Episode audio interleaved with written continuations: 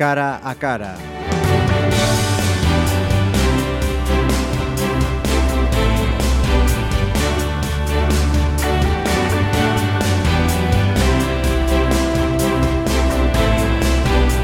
Benvidos a unha nova edición de, de Cara a Cara, a última edición do ano deste programa de Pontevedra Viva Radio e como non podía ser eh, de outra forma, dedicado a San Silvestre de Pontevedra, a proba festiva e casi máis multitudinaria do ano na cidade. Para elo temos con nós a Santi Ferrer, responsable da, da xinástica e un tamén dos que traballa reo para que salga adiante. Moi boas.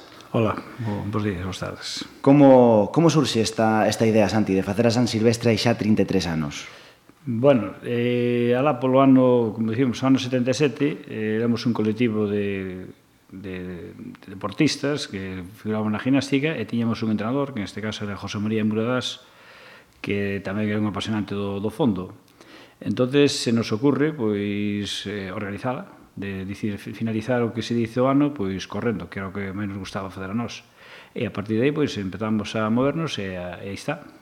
Empezou con, con moi pouquiña xente do club e, e aficionados ao atletismo e pouco a pouco eh, foi medrando ata, ata que hoxe, que é un fenómeno sí, de masas. Sí, eh, vamos a ver, a dinámica é totalmente distinta da hora. entonces éramos pois eh, aquel grupo de, de personas que nos gustaba e empezamos a traballar.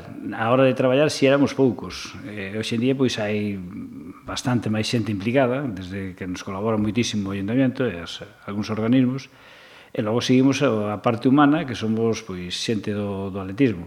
Entonces, en aquel éramos menos, tamén a prueba era de outra con outro carisma, pois non sei, as calles era, aunque son as mesmas, tiñan outra connotación hoxe en día hai que vallalo, hai que, bueno, eh, hai un seguro polo medio, que antes era un poquinho máis altruista, pois, eh, cometendo errores, que deses son os que aprendemos para chegar ao día de hoxe a facela con tanta organización. E sobre todo hai, hai como un punto de inflexión, non, non sei cal sería o ano, hai dez anos para aquí que, que o crecemento é moi grande, non? Ano a ano. Eh, sí, bueno, a Dios gracias, eh, son moitas eh, moitas cousas que invitan a que a xente faga máis deporte. Eh, eh, por ser un referente en Pontevedra no seu día había dúas tiendas deportivas hoxe hai moitas máis. Eh, pois eh, introdúcese desde que a muller empeza a facer deporte que entonces era mm, non ben visto que as mulleres xeran ando era a correr.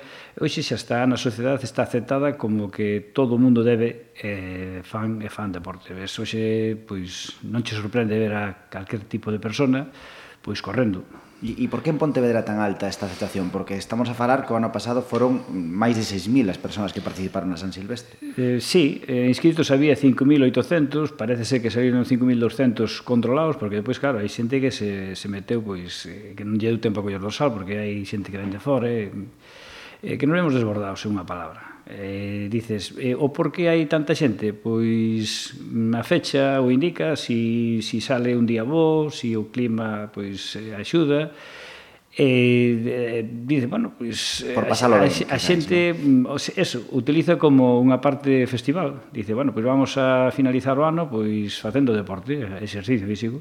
E xa a xente á calle, pois é un motivo de, de, de encontrarse, de, de divertirse, e, bueno, e ao mesmo tempo facer ejercicio. E falabas de que moitos deles participaron sin dorsal, é algo no que o clube a gimnástica está a facer moito énfasis eh, para intentar minimizar este, este dato, non? Que a xente corra con dorsal porque é de balde a inscripción e, e vai, entre outras cosas, asegurada, non? Sí, eh, vamos a ver, é unha, unha cousa que nos gustaría que todos correran con dorsal, que fóramos un poquinho pois, sensatos eh, e, eh, e a sincerarse coa situación, porque non é fácil que eh, controlar todo eso Pero claro, xa digo que hai razóns de que hai xente que non o pode conseguir ou se despistou eh, o sistema que temos hoxe, que logo aclararei o porqué o temos así, eh, teñen que ir ali a escribirse a, a ver, entonces algún que non pode vende fora se despistou e bueno, pois, eh, pois quere correr pois que lle vas a dicir? Pois eh, salen igual. Entonces mm. eso me gusta que non nos gustaría que no, que non ocurrirá así.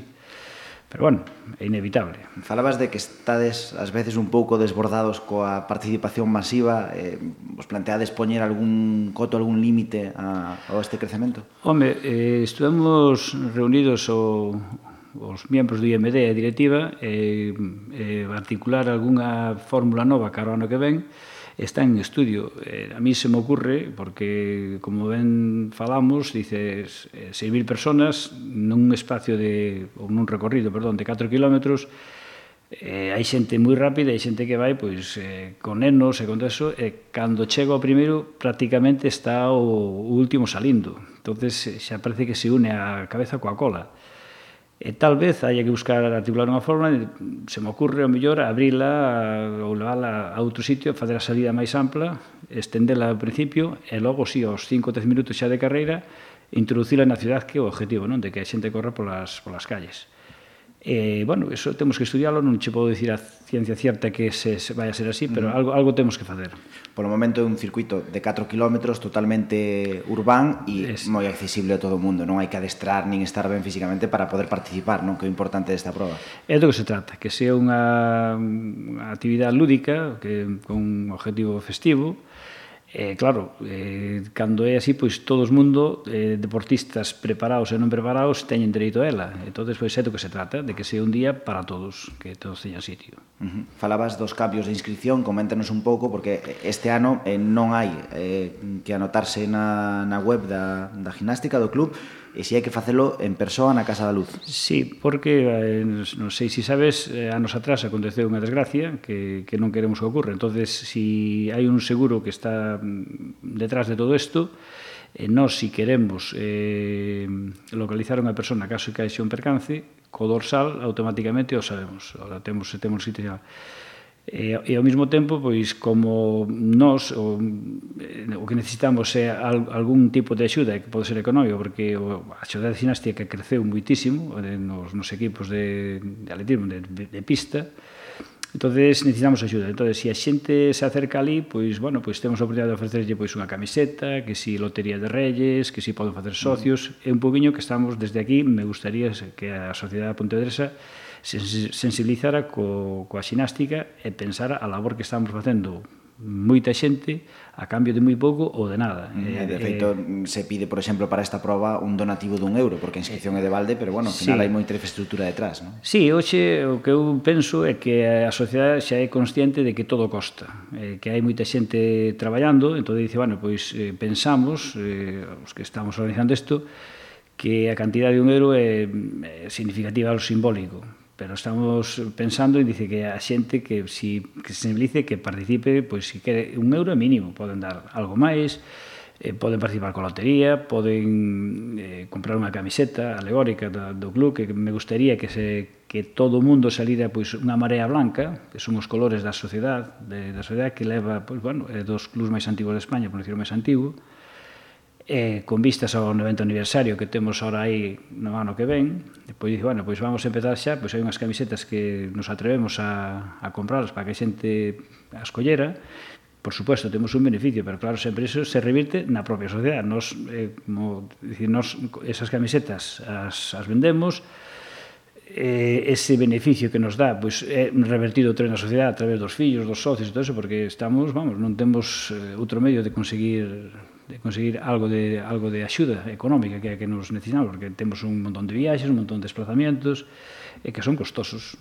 Uh -huh. E non hai que olvidar tamén a parte solidaria desta carreira, non? Que a recollida solidaria de elementos que tamén é, é tradicional xa. Sí, o ano pasado pois eh, falan de 3.000 toneladas eh, de, perdón, de 3 toneladas de, de, de produtos alimenticios que esperemos que este ano que, que se supere como se ven superando continuamente, que eso pois vai donado a, aos organismos que, que se dedican a este tipo de, de, de axudas.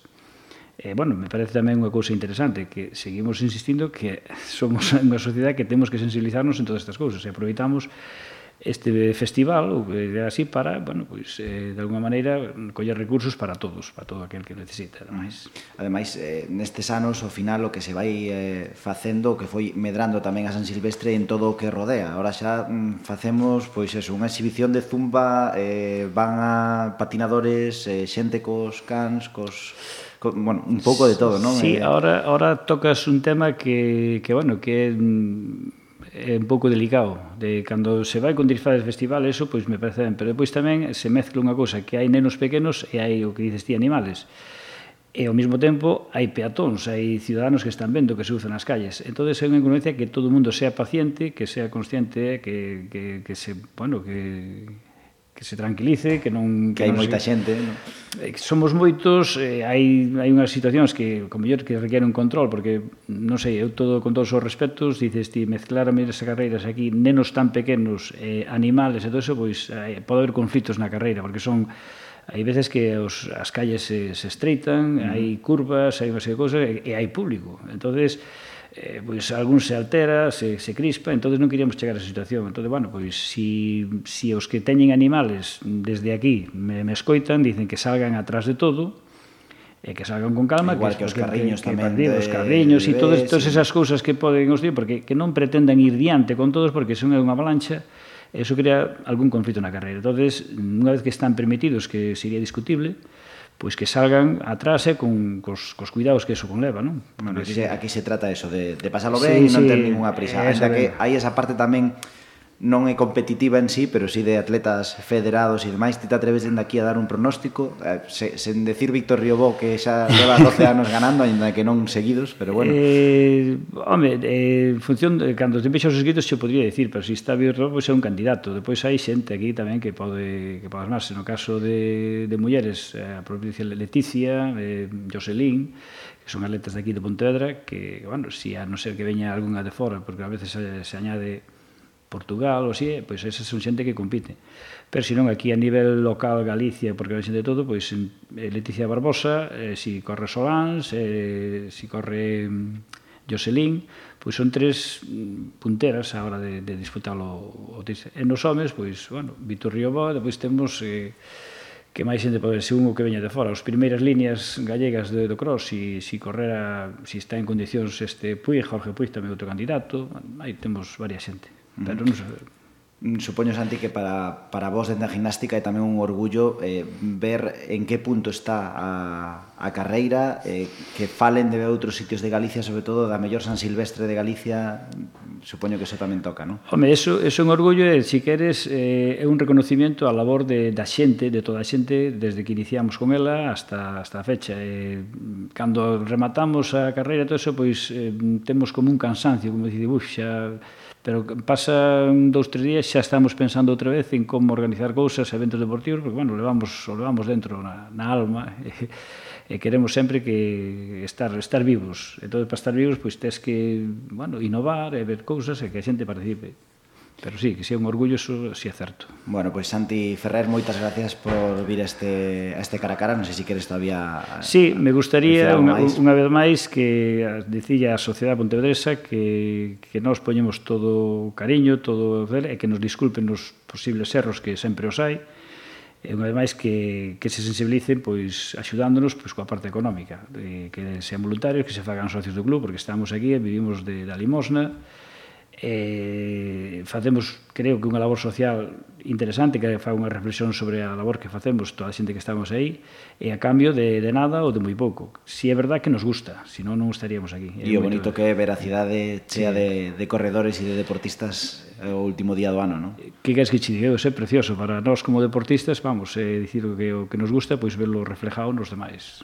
Mm. Bueno, pois Ante Ferrer, moitas gracias por estar aquí en Pontevedra Viva Radio e moitas gracias a todos vos tamén por estar eh, no outro lado. Eh, este foi o último cara a cara do ano, pero seguiremos a próxima, en próximos eh, episodios en Pontevedra Viva Radio. Ata logo.